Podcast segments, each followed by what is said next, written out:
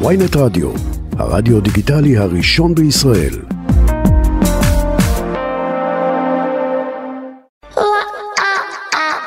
עכשיו בוויינט רדיו, הבוקר עם רועי כץ.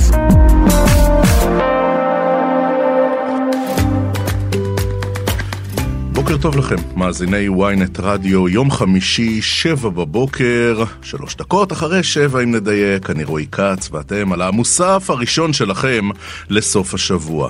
תכף נשוחח עם השר לביטחון פנים לשעבר, תת-אלוף במילואים, אביגדור קהלני, ואיתו נסכם שבוע ישראלי פוליטי. נדבר גם על דרך ניהול המשא ומתן, אחרי שאמש, רגע לפני חצות, נתניהו מודיע לנשיא המדינה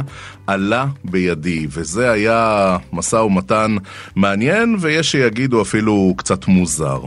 נדבר גם על המתקפה, על הסערה סביב יחידת אה, דובר צה"ל השבוע, אחרי אה, התבטאויות אה, פוליטיות, לפעמים אנונימיות ולפעמים לא ברשתות החברתיות של חיילי היחידה. זה כמובן על רקע האירועים בחברון וההתבטאויות הפוליטיות שם של לוחמי גבעתי. אנחנו נשוחח עם דובר צה"ל לשעבר, האלוף במילואים עמוס גלעד. לא רק אה, צבא, ביטחון ופוליטיקה, יש לנו הבוקר בתוכנית. נדבר גם על איך השפיעו תוכניות הריאליטי בעשור האחרון, על האוכל הישראלי, על המזון בישראל. דוקטור אלינה ברנשטיין, יש לה ספר, יש לה פרק, סליחה, חדש, בספר חדש שנקרא מזון למחשבה שהוציאה האוניברסיטה המשודרת, ואנחנו ננסה להבין את ה... ההשלכות אה, באמת המשמעותיות של אה, הריאליטי הקולינרי בטלוויזיה על מה שכולנו אוכלים. ובכל אה, חמישי בבוקר מסיימים את התוכנית שלנו תמיד תמיד עם שירה, והבוקר ארכדי דוכין, לא פחות, הוא יקריא לנו שירה רגע לפני סוף השעה. אבל אנחנו מתחילים. עם סיכום שבוע ישראלי, אומרים שלום, בוקר טוב, לשר לביטחון פנים לשעבר, תת-אלוף במילואים, חבר הכנסת לשעבר, בוקר טוב, אביגדור קהלני. בוקר טוב, רועי, בוקר. אתה יודע, הממשלה הזו uh, תקום עוד רגע אחרי שנתניהו הודיע אתמול לנשיא הרצוג עלה בידי, ומכל השינויים, והממשלה הזאת מבקשת לעשות הרבה שינויים, כנראה השינוי המשמעותי ביותר הוא זה שמבקש לעשות השר המיועד uh, איתמר בן גביר במשטרת ישראל. הוא אומר, המשטרה חולה ואני האיש שיבוא לתקן. אני חושב שהשינויים אה, עשו גדולים ממשרד הביטחון, אה, לקחו אה, חלק מהזכויות של שר הביטחון והביאו אותם לשרים אחרים, משרד הכלכלה, משרד החינוך שפירקו אותו, יש פה הרבה שינויים מהותיים שעשו, אבל אנחנו מתמקדים עכשיו, מטבע הדברים, על ביטחון פנים, ביטחון לאומי. תראה, יש, אה, אני לא ניגש לאיש בן גביר באופן אישי המסתובב באקדח ומתרוצץ שם ושייח' ג'ראח. לא בזה עסקינן, אני מנסה להסתכל על זה ממעוף הציפור. ממעוף הציפור, חלק מהטענות של בן גביר הן נכונות. היום נותר מצב שהשר לביטחון פנים הוא בעצם אדם שתלוי באנשים שמתחתיו והוא יכול, תלוי באישיות שלו כמובן, באופן הפעלת הכוחות, אבל יש, יש בהגדרה כמה דברים שהם קצת אה, מציקים, אתן לך דוגמה, עלייה להר הבית במצב שבו שם הכל סוער, אה, אין לו say בכלל. אני אמרתי עלייה רק באישור שלי, אבל אין לו say. כלומר, זו עלייה מבצעית, שההחלטה היא מבצעית של המפקד במקום, והמפקד במקום יכול להיות uh, מישהו די, uh, בוא נאמר, לא בכיר ביותר שיקבל החלטה ומבין את, ה, את מה שקורה.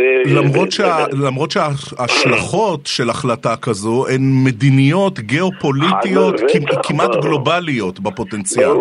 אחרי כל יום שישי עמדתי בהר הבית באופן אישי שהיו מהומות שם.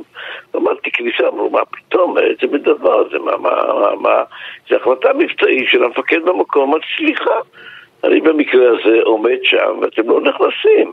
כלומר, עוד החלטה אחת שתוכל להבין רק את העומק שלה, אמרתי, ראיתי את כל המג"ב מסתובב פה במדינה ועושה כל מיני פעולות, אני אומר, למה הם לא בקו התפר? זה המקום שלהם הטבעי, בשביל זה בנו מג"ב שהוא יושב, משמר גבול. אמרו לי, זו החלטה מבצעית של מפכ"ל, זה לא... אמרתי, אין דבר כזה בעולם. אני לא מוכן לדבר כזה. אני כולה על מגע התפר, או שהמפכ"ל ישים את המפתחות אצלי על השולחן. כלומר, יש פה, יש פה כמה דברים שאני יכול להצביע עליהם, שפתאום אומרים לך, רגע, אני מסכים בנושא של, של חקירות וכן הלאה, אני מסכים בדבר הזה, שהוא לא יתערב, גם אני, אף אחד, שום שר לא מתערב, ממדרים אותו בעניין, מפקידים אותו באופן כללי, וגם עושים שם מה שרוצים לפעמים בלי פיקוח, וגם זה מרגיז את השר, אבל הוא קורא בבוקר את הכותרות של העיתונים, וזה מעצבן אותו. אבל אה, מה לעשות, אה, בחוק קבעו את הדבר הזה, בסדר, גם על זה יש לי ספקות.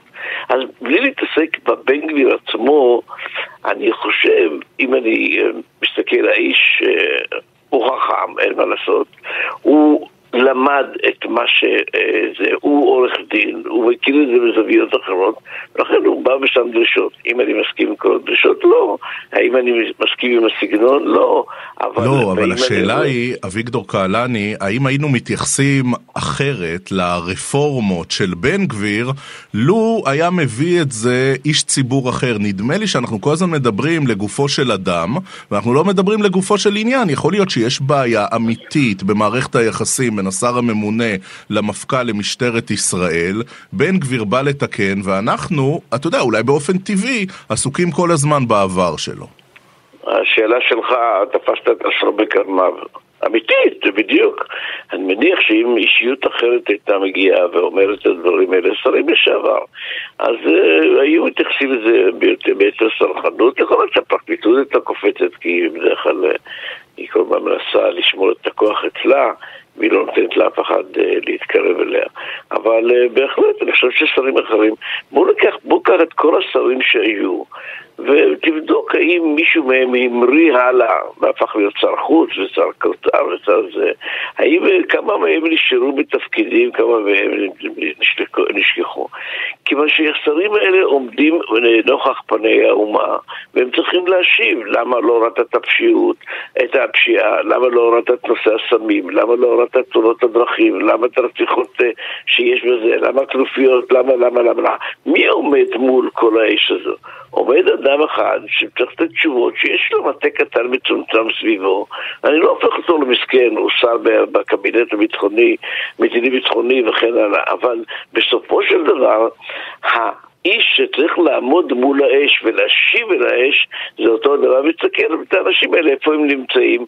כיוון שהם לא עמדו מול האש, הם לא יהיו להם תשובות הם ייתנו תשובות מעורפלות כאלה כאילו והם חייבים לגבות את המשטרה כי אם הוא לא יגבה את המשטרה וואו וואו מה יעשו לו? איך השר לביטחון פנים עליי אמרו אני מעודד את החרדים בבר אילן לזרוק צואה על השוטרים. באמת נו יש פה דברים אתה קורא את זה בעיתונים. עכשיו הם אז אני אשאל את זה, אז אני אשאל את זה אחרת. אה, אפשר בכלל להצליח בתפקיד הזה, או שזה מתכון חד משמעי לחיסול פוליטי?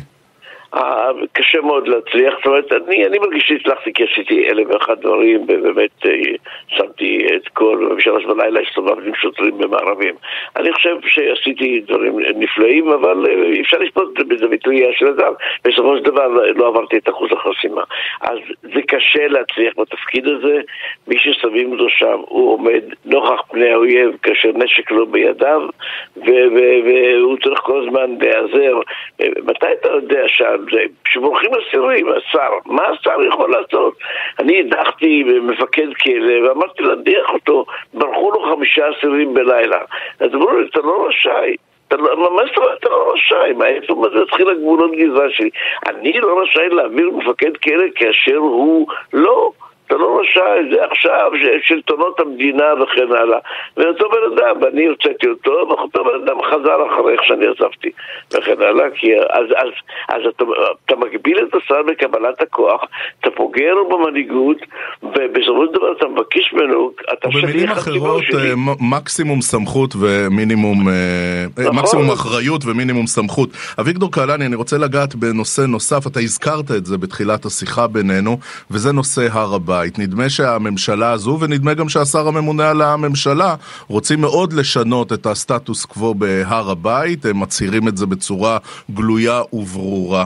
זה נכון לעשות בנקודת הזמן הנוכחית? תראה, הסטטוס קוו בהר הבית יישמר לפי דעתי, לא תשנה. זה משהו עולמי, זה לא, זה לא דבר שניתן לשנות.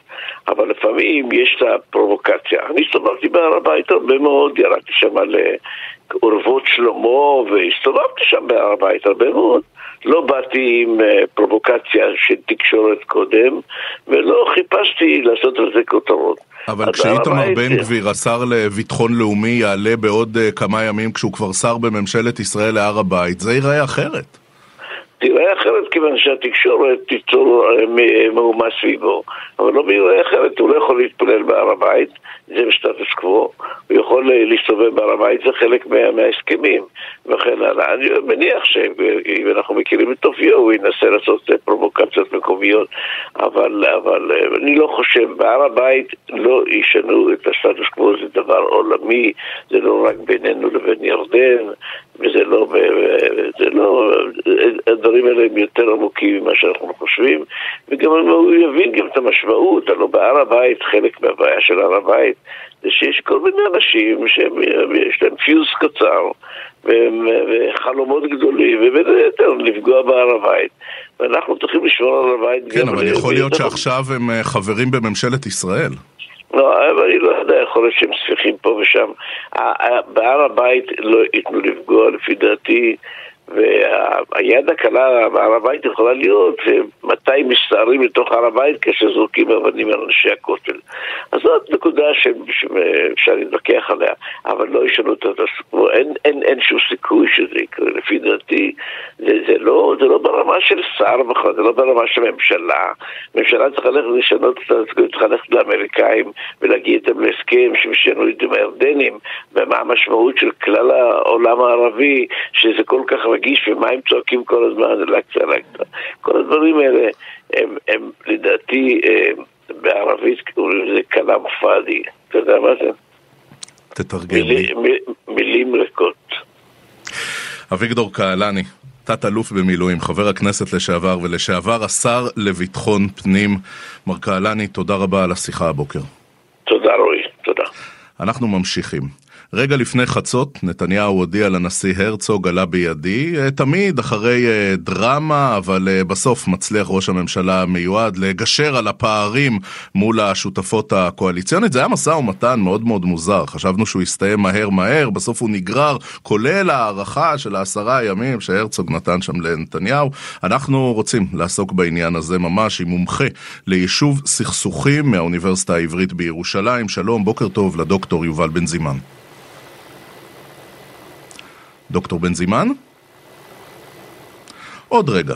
הוא יהיה איתנו על הקו. אנחנו uh, בינתיים מזכירים לכם שאם אתם uh, רוצים להאזין לנו בהאזנה מאוחרת לכל התוכניות והרעיונות שלנו, אתם יכולים לעשות את זה במתחם הרדיו באתר ynet או בכל אפליקציות הפודקאסטים המובילות. אתם מחפשים רועי כץ בשורת החיפוש ויכולים להאזין לנו בכל מקום ובכל מכשיר. אה, אם אתם מאזינים לנו כפודקאסט, אל תשכחו לדרג אותנו וללחוץ עוקב על מנת לקבל עדכון לכל תוכנית חדשה שעולה. תכף נדבר על אופן ניהול המשא ומתן הקואליציוני, אבל נעשה עכשיו הפסקה מוזיקלית קצרה.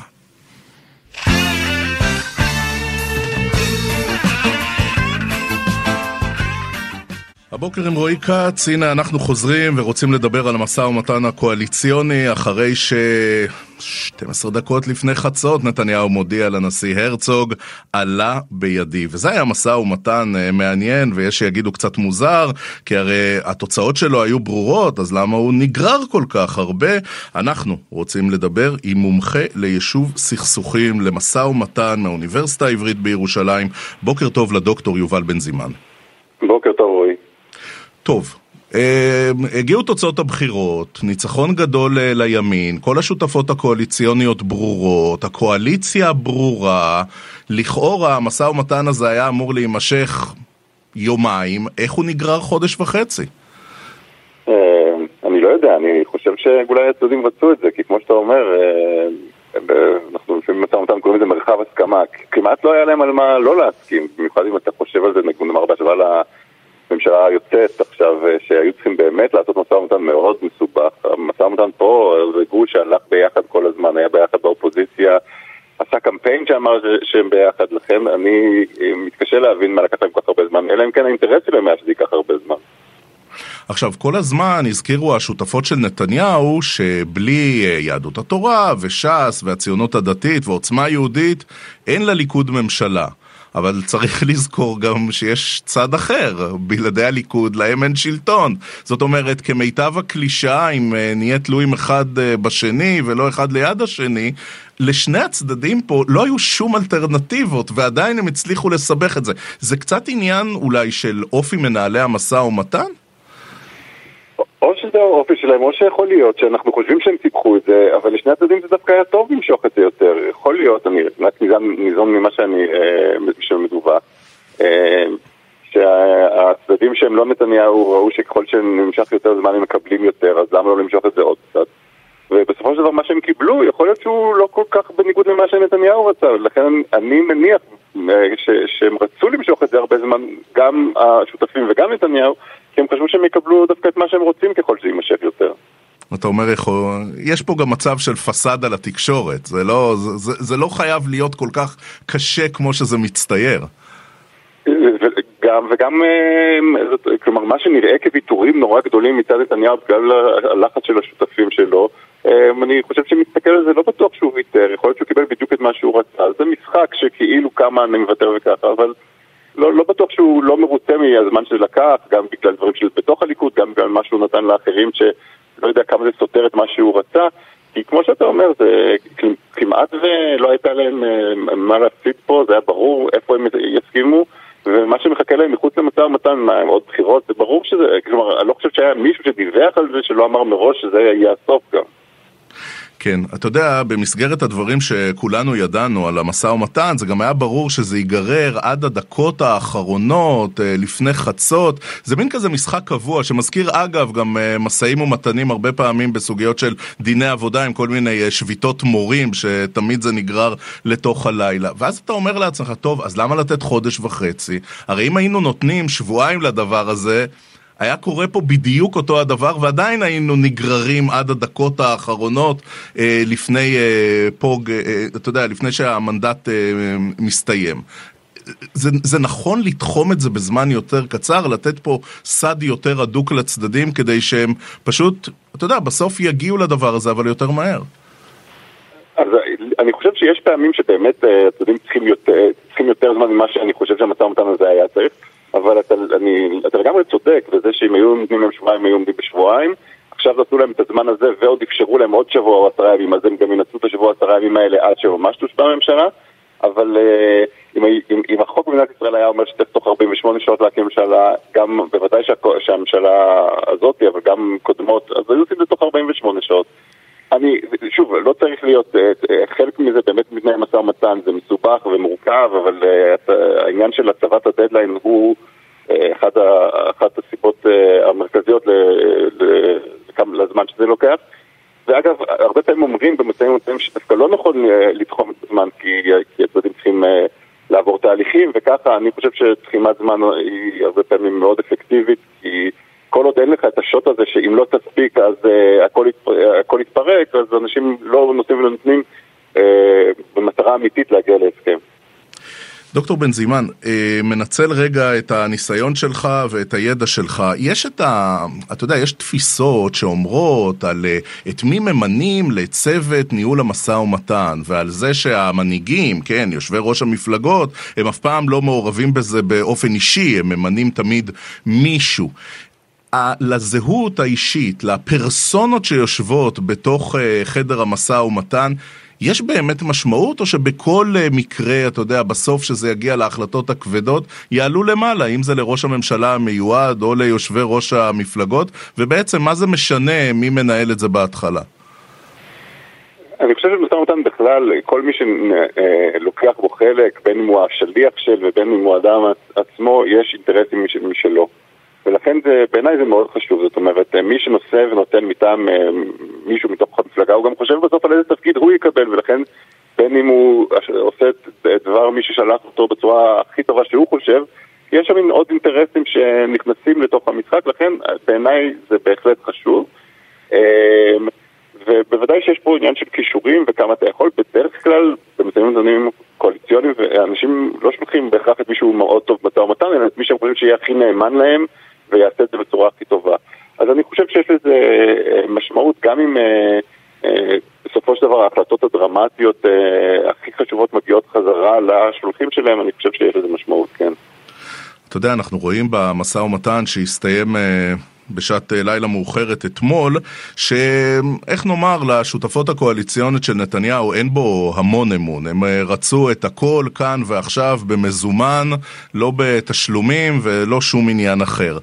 עד כמה בניהול משא ומתן כזה, העובדה שיורדים לרזולוציות, לפרטים, לסימני הפיסוק זה דבר נכון, או שאפילו בשם הכרה במציאות הישראלית המורכבת ובדרך שבה מתנהלת פוליטיקה, יש הרבה דברים שכדאי להשאיר קצת, אה, אתה יודע, דברים מעורפלים, קצת וייג, שיהיה פשוט מרחב תמרון.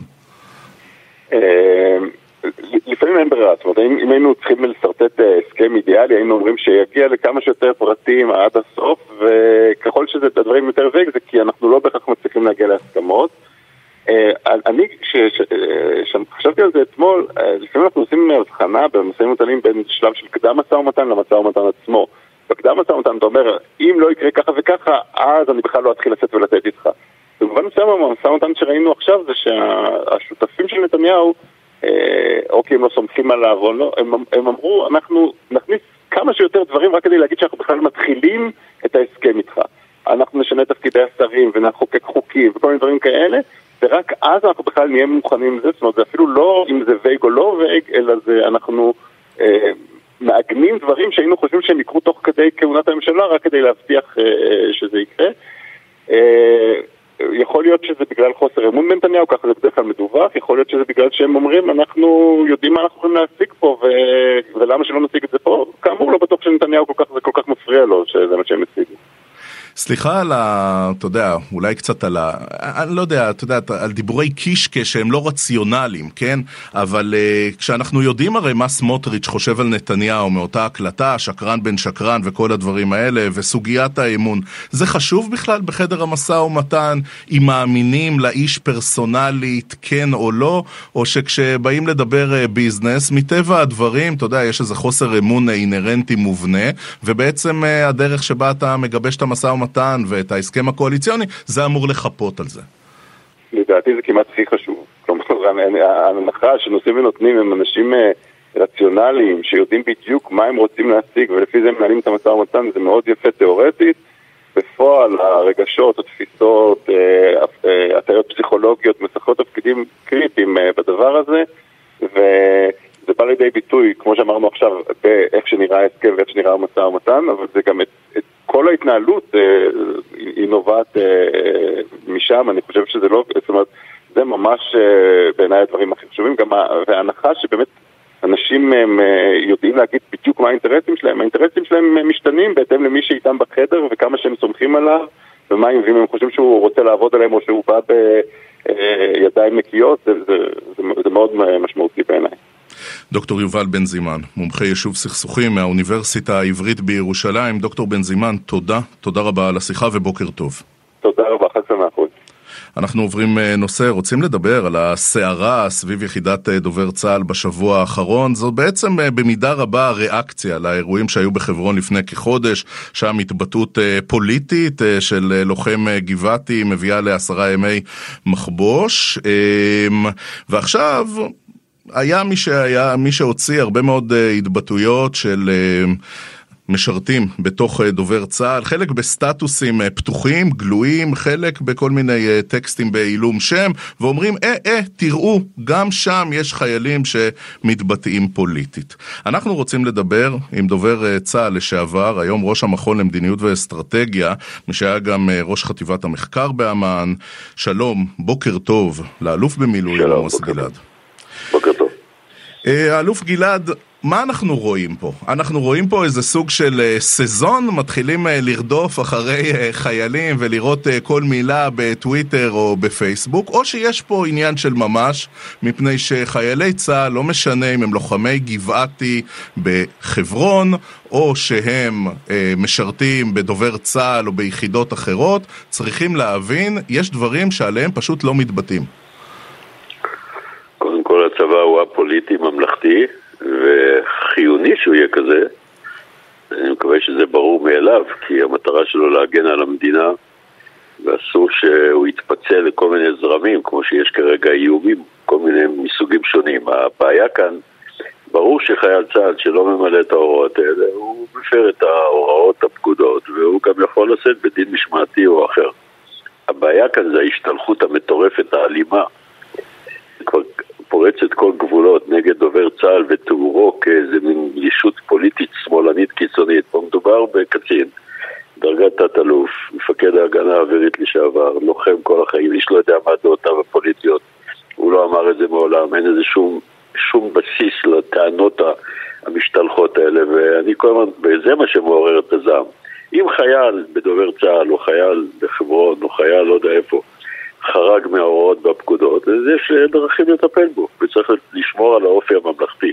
כאן מדובר בהשתלחות חסרת בסיס עובדתי בדובר צה"ל, הכפשתו והכפשת היחידה, שהיא בעצם הליבה של התק... היחסים בין הצבא לתקשורת. אומרת, אז אתה אומר, זה בעצם חלק מקמפיין הרבה יותר גדול. אנחנו uh, נצמדים פה לאיזה מקרה קטן בתחתית uh, סולם הדרגות, אבל בעצם לא, uh, לא מכוונים, מכוונים לקודקוד. אני אומר שוב, אם חייל חרג מהוראות, זה לא משנה מי הוא, אז הוא צריך להיות מטופל, ואני מניח שהוא מטופל. אם זו הייתה הסוגיה, אני לא חושב שהיינו נדרשים לה.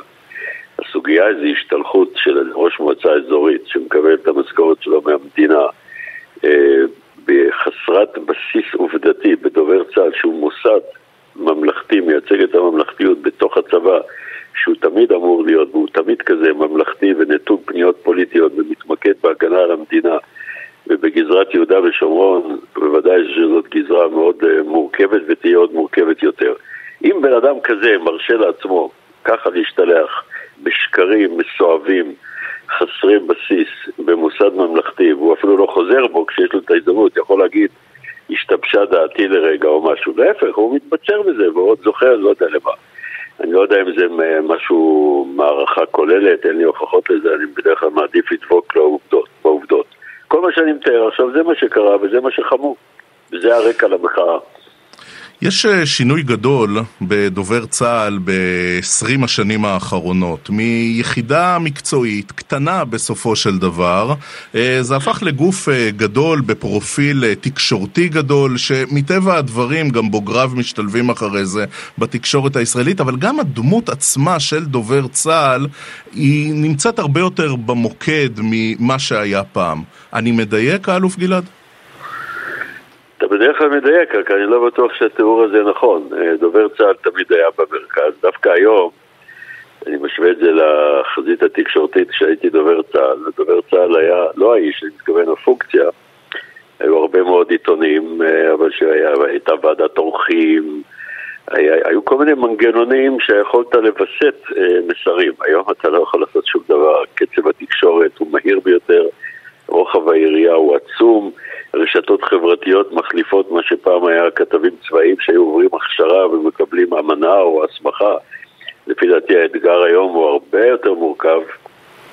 דובר צה"ל הוא חשוב, אה, כמובן, אבל אה, תחשוב על מה הוא מתמודד, הוא הרי יכול להפיץ אה, גרסה מוסמכת וכל מיני רשתות חברתיות וכתבים שאין להם ניסיון ויש אין סוף אמצעי תקשורת מאוד מהירים, זה תוך שניות יכול להתפשט האתגר היום הוא הרבה יותר מורכב, יכול להיות שהוא עדיין מרכזי, אבל האתגרים בפניו הם כאלה שהם ממש חסרי תקדים.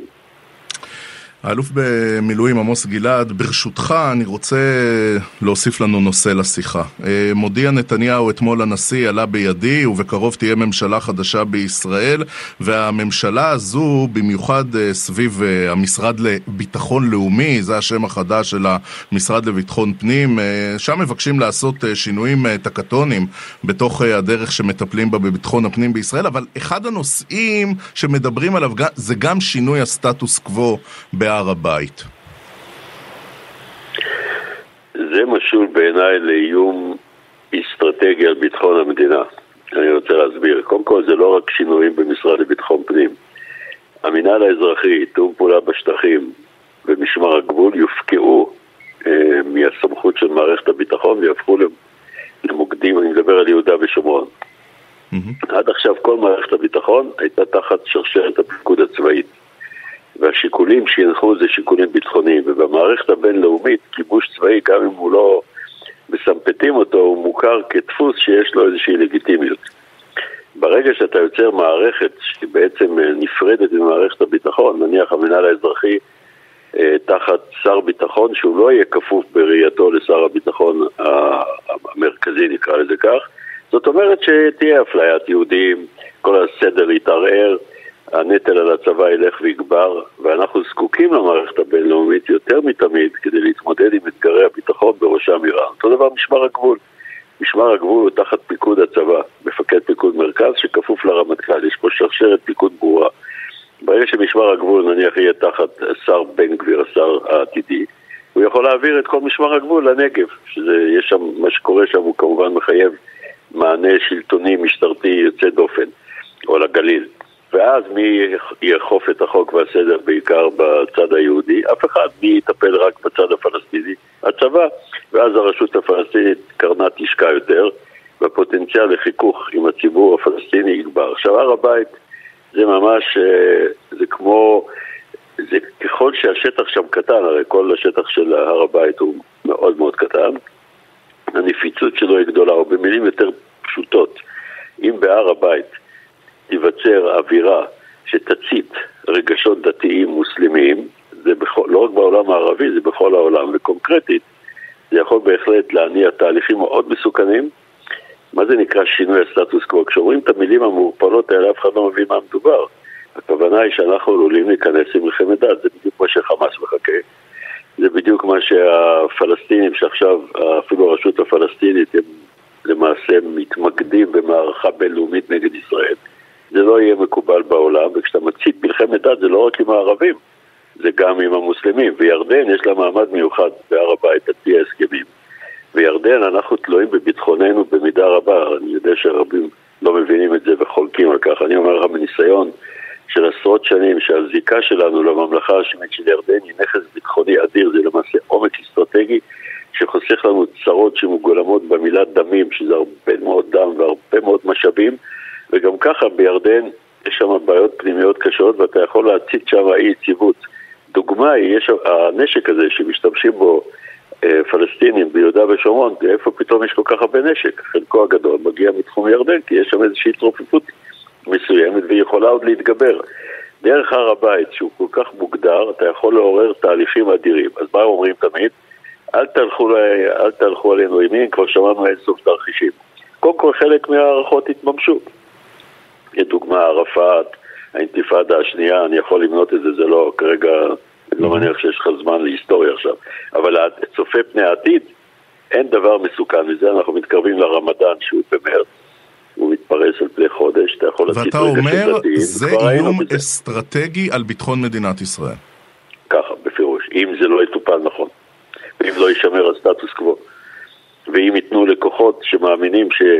יש לנו אה, זכות, אה, זכות דתית שם, שזה אולי, זה אפשר להתווכח, זה לא הנושא, אבל מבחינה אסטרטגית, ביטחונית, זה פשוט יורים לעצמנו אה, ברגל וישעבד משאבים ביטחוניים שהם נחוצים ביותר כדי להתמודד עם איומים מאוד מאוד גדולים שלא היו עלינו כבר מזמן. האיראנים ממשיכים להתקדם בבניית האיום האסטרטגי, ואין כמו ראש הממשלה המיועד, החל מעוד עשרה ימים, שמכיר את הנושא הזה. כן. האלוף במילואים, עמוס גלעד, ראש המכון למדיניות ואסטרטגיה, תודה אדוני. תודה רבה על השיחה. שלום, יום טוב. הבוקר עם רועי כץ עושים אה, הפסקה קצרה, תכף נדבר על uh, כיצד השפיעו תוכניות הריאליטי כאן אצלנו בטלוויזיה בישראל, על מה שכולנו פוגשים על הצלחת. מיד חוזרים.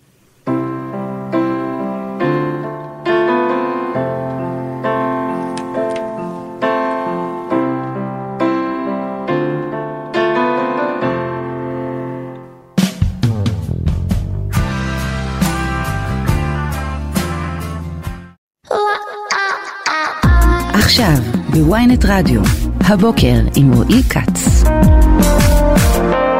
הנה אנחנו ממשיכים. בערך אה, עשור וקצת לתוך מהפכת הריאליטי הקולינרי בישראל, אנחנו רוצים אה, להביט אחורה ולהבין כיצד השפיעו תוכניות הריאליטי על מה ש... כולנו אוכלים ועל הדרך שבה אנחנו תופסים מזון בכלל, אוכל ישראלי בפרט. אומרים שלום, בוקר טוב לדוקטור אלינה ברנשטיין. בוקר טוב. היא חוקרת ומרצה לתקשורת במכללה למינהל ומחברת גם אה, פרק בספר חדש, מזון למחשבה, של האוניברסיטה המשודרת בגלי צה"ל. דוקטור ברנשטיין, אה, קשה להגזים במהפכה, נכון? אמ, זה, זה שינה פה המון המון בדרך כן. שבה אנחנו מסתכלים על אה, שפים ועל צלחותים, מילה שלא הכרנו בכלל לפני נכון. זה, ו, ו, ו, ועל הקשר בין עדות, מגדר ואוכל. זה ממש עשה פה שינוי טקטוני. כן, בהחלט. אז שוב, אה, אה, צריך להבין שיש גם הקשר כללי יותר, זאת אומרת, יש שינויים שקורים גם מחוץ לעולם הטלוויזיה שמשפיעים. אה, העולם שלנו נעשה יותר גלובלי, אנחנו יוצאים, אנחנו רואים, אנחנו רואים מסעדות בחו"ל, אנחנו נחשפים לדברים, אבל באמת תוכניות האוכל שבתחילת דרכה של הטלוויזיה בכלל, בארצות הברית, בבריטניה, גם בישראל, הייתה טלוויזיית אוכל זה אמר אה, עומד שף אה, לפני המצלמה במשהו שמדמה מטבח ומסביר לנו איך להכין מתכון. אה, והיו לא מעט תוכניות כאלה, שום פלפל ושמן זית זה דוגמה ברורה. והעניין הזה שאנחנו עוברים באמת לעולם אחר לחלוטין שבו בעצם גם אנחנו לא יכולים אחר כך להכין את האוכל שמראים לנו, זאת אומרת זה עושה לנו אולי חשק לאכול, אה, אני שומעת מהרבה סטודנטים שלי שהם תמיד מזמינים אוכל כשיש אה, תוכנית כזאת, כי בא אה, להם... יש פה ממש הנאה לפעולה. כן, ממש, או מבשלים, כן. אבל אה, כן, אנחנו לומדים הרבה יותר על, על המעמד של טעם, מה, מה זה fine dining ומה זה אוכל עממי. אה, אה, באמת אה, הזכרת את המילה הזאת, צלחות שנכנסה לשפה שלנו. אנחנו יותר חווים את הדברים האלה, כי אנחנו לא יכולים להריח או לטעום את האוכל הזה. אז זה נותן לנו הרבה מושגים ששייכים לעולם הקולינריה, זה נותן לנו הרבה מאוד דברים ש, שבגללם אני חושבת שבאמת חלו שינויים באופן שבו אנחנו מסתכלים על אוכל ו, וחווים אותו, אבל... אבל אבל אה, אה, אה, המתכונים שאנחנו אחר כך עושים הם כנראה יבואו ממשהו שאנחנו נחפש באינטרנט. אה, דוקטור ברנשטיין, את יודעת, אה, כשאני משוחח לפעמים עם אנשי הלובי החקלאי, הם אה, אומרים שיש ממש קשר שהם מזהים אותו בין צריכת מוצרים מסוימים לבין הריאליטי הקולינרי בטלוויזיה. אני בטוחה. הם אומרים שצריכת החמאה והשמנת לדוגמה עלו בצורה מאוד משמעותית כתוצאה מאיזשהו שילוב ואינטגרציה שלהם בתוך המתכונים וגם בקצביות היוקרה אומרים כן. שאנשים כבר מבקשים אה, נתחים שלפני עשר שנים אף אחד לא כן. ביקש פה או הגישו אותם רק במסעדות מפני שזה יכול להיות אה, מושיק רוט או חיים כהן או כל שף טלוויזיה כן. וריאליטי אחר שהמליץ כן. עליהם. כן, אני, אני לא ידעתי את הנתונים האלה, אבל הם אה, נשמעים לי מאוד הגיוניים, כי שוב אני אומרת, למרות ש, שאנחנו לא מקבלים מהתוכניות האלה מתכון מסודר אה, על המסך, לפעמים המתכון המסודר הוא, הוא כן אה, מלווה את התוכנית באינטרנט, אבל את הרעיונות של מה לבשל ואת החשק לעשות משהו שהוא יותר מחביתה וסלט, בטוח שהתוכניות האלה עושות, ואז אני לא מופתעת שלומדים מהם דברים. אנחנו בכלל כל הזמן לומדים מהטלוויזיה בלי לשים לב, אז בטח בתוכניות כאלה אנחנו לומדים גם באמת אולי שילובים ודברים שלא עשינו, שלא חשבנו, מקבלים רעיונות. להכין אה, מתחים. אתה, אני עכשיו, זה מצחיק, אבל באמת אה, הבת שלי שבת 18 ביקשה ממני לקנות פילה. כי אני בטוחה, בטוחה שזה הגיע מאיזה משהו שהיא ראתה אצל גורדון רמזי או מישהו כזה.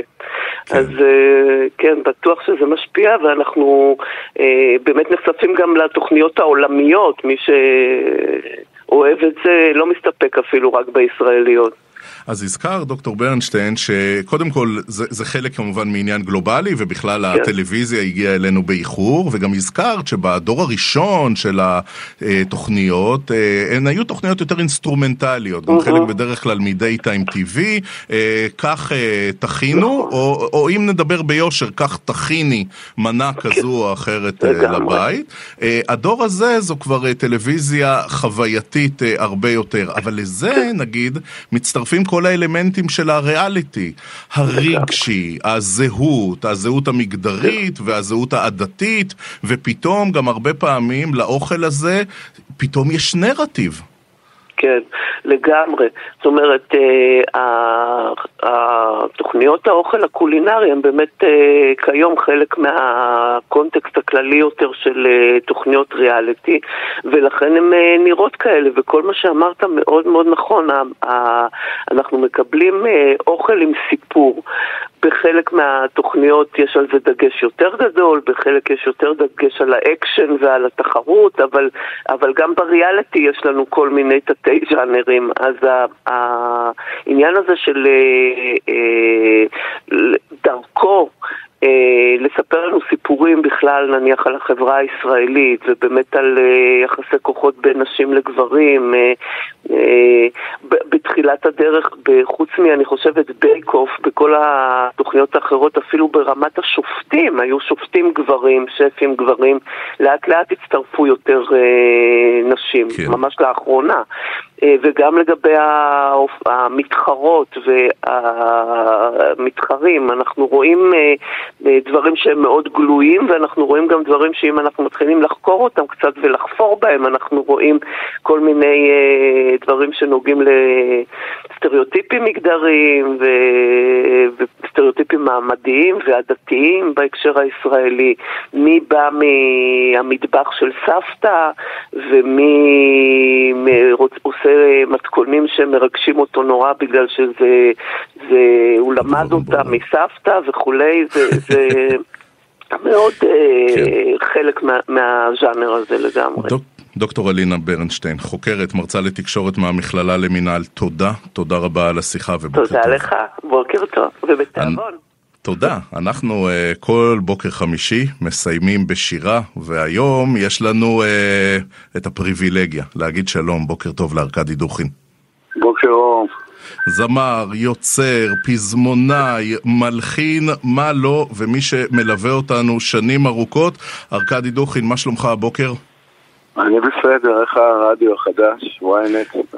אנחנו נהנים, ואנחנו uh, מאוד שמחים שהצטרפת אלינו הבוקר. Uh, יש לך uh, מופע במלון מלכת שבא, uh, זה קורה ב-30 לדצמבר, מופע צהריים, ויש גם בפברואר, עשרה בפברואר, מופע, יש בי אהבה בהיכל התרבות. אני מדייק?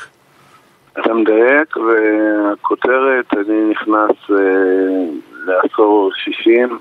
בעצם אה, מחממים אה, מנועים אה, לעשות משהו שאף פעם לא עשיתי, לחגוג. אני לא ידוע בחגיגות, אבל זאת תהיה שנה 2023 שאני רוצה לציין בה כל מיני תחנות חשובות בעשייה, בדברים שבאמת היה לי את הזכות לעשות, לעשות סיכום ביניים כזה. איזה כיף. קצת להרים את האף, כמו שאומרים. אה, כן, ו... גם במלון יהיה כיף, כי זה לא רק אני, גם בארץ סחרוף מצטרף בערב ואני בבוקר. ואנחנו שם ממש... יגרום אה, לעבירה כיפית. כן, וזה קורה במלון מלכת שבא מרשת מלונות אה, אסטרל. ארכדי, איזה שיר תקריא לנו הבוקר? אני כבר יודע, אבל המאזינים עם סימני שאלה. אה, בחרתי את יש באהבה, אני חושב שהוא איכשהו לא מסתכן ואיכשהו מתאים לכל מצב ולכל מקום ולכל אה. לא, זה שלמות, ובימים כאלה אפילו יותר. אה, תקריא לנו. אוקיי. בין האפל לנסתר, פולמנו אמר, אומרים יש עוד תקווה, קוראים לזה אהבה ומחכים רפואה. בין האתמול לעתיד, בין האוצר לתחתית, אומרים יש עוד תקווה. קוראים לזה אהבה ומחכים לבואה. בין הבלבול לאסון תדעו שיש פתרון, קוראים לזה אהבה בין הזיוף לאמת, בין כל מה שחי לאמת, ישנה אהבה. יש באהבה והיא תתעורר ותדע. יש באהבה והיא תנצח. בין האתמול לעתיד, בין האוצר לתחתית, אומרים יש עוד תקווה, קוראים לזה אהבה, מחכים נבואה. בין הזיוף לאמת, בין כל מה שחי, באמת ישנה אהבה. אתה יודע, הרבה פעמים בשירים שאנחנו שומעים, ויש בי אהבה, הוא כמובן אה, להיט ענק שממשיך וממשיך להדהד, אנחנו לא חושבים על זה כשירה. אבל כשאתה מקריין לנו את זה הבוקר בהתאמה הייחודית שלך, זה שירה לכל דבר. אני קטנתי לשפוט את עצמי, אבל uh, השירים לפעמים בוקעים ממני בלי, בלי לשאול. זאת אומרת, הם נולדים לפני שאני מבין למה, והם לפעמים מבינים את עצמם לפני שאני מבין אותם. השיר הזה גם הייתה לו התגלגלות נורא מוזרה, הוא פשוט שכב בארגז איזה כמה שנים טובות, אחרי זה הצעתי אותו לשלומי שבת שפחות שבר, ואז הגיע שם טוב לוי ואמר, יש לך משהו? ואז אה, אני לא הכי מצודה, אז התחלנו לחטט בארגז, ומצאנו את השיר הזה, ונתנו אותו לאריק איינשטיין, למעשה זה הפך לשם של אלבום. יש באהבה, וגם באלבום הזה כתבתי לו את אה, בגללך יחד עם מיכה שטרית, וזה אלבום ש... מכר המון המון המון אלבומים. אבל מה זה אומר, ארכדי? שיש איזה ארגז בבוידם שמתחבאות בו עוד יצירות מופת קטנות שבזמן אמת לא חשבת או לא מצאו בית, ו- ויכול להיות שאם תחטט קצת ו- ומישהו יתעקש, אז, אז אנחנו נקבל אותן פתאום? ממש ככה, היום הארגז הוחלף בהרבה מאוד ארדיסקים של מחשב ש... איכשהו היה לי את הכוח נפשי לעשות המרה ויש מאות אם לא אלפי קטעים ש... אני פשוט, יש לי OCD לכתוב כל יום כמה שירים לפחות אני כבר לא זוכר מה יש לי מעבר לדברים רשמיים שהם לפחות מעל אלף ברשומים בעקום אז כן, זה קורה כי יש סרט עכשיו על הללויה של ליאונרד כהן לקח לו המון זמן לשיר, הוא, יש שם תיאור שהוא כבר שוכב על הרצפה ודופק את הראש ברצפה מרוב שהיה שם מאות בתים ואז הוא נתן את זה לג'ון קייל או משהו, הוא עשה איזה קאבר ואז ראה את זה הבחור הזה שנפטר הצעיר פתאום אף לעשן ורק שמה זה פתאום חזר ללאונרד והפך לשיר נצחי, אני יודע. זאת אומרת, שירים לפעמים אה, מטיילים, כן. כמו תמונות של צערים, כמו כל דבר. אני חוזר למילים היפות יפות של יש בי אהבה ומקשר בקישור בכוח לפוליטיקה בין האוצר לתחתית, אומרים שיש עוד תקווה, קוראים לזה אהבה ומחכים לבואה. יש קשר בין uh, האווירה הכללית ובין הפוליטיקה ובין הקיטוב בעם וכל הדברים שמתחוללים פה ובין היצירה שלך? תראה, אם תיתן לי שנייה, אני אקריא לך בית שאריק היה לו קשה איתו, אבל uh, הוא היה חלק מהשיר, ואז uh, נראה לי זה יענה על הקשר. אז זה הולך ככה, בין האיבה, בין האיבה לשלום, בין הסכין לאטום, תדעו שיש עוד תקווה, קוראים לזה אהבה ומחכים לבואה. בין הרגיל למיוחד, בין החיבוק ללבד, תדעו שיש עוד תקווה, קוראים לזה אהבה ומחכים לבואה.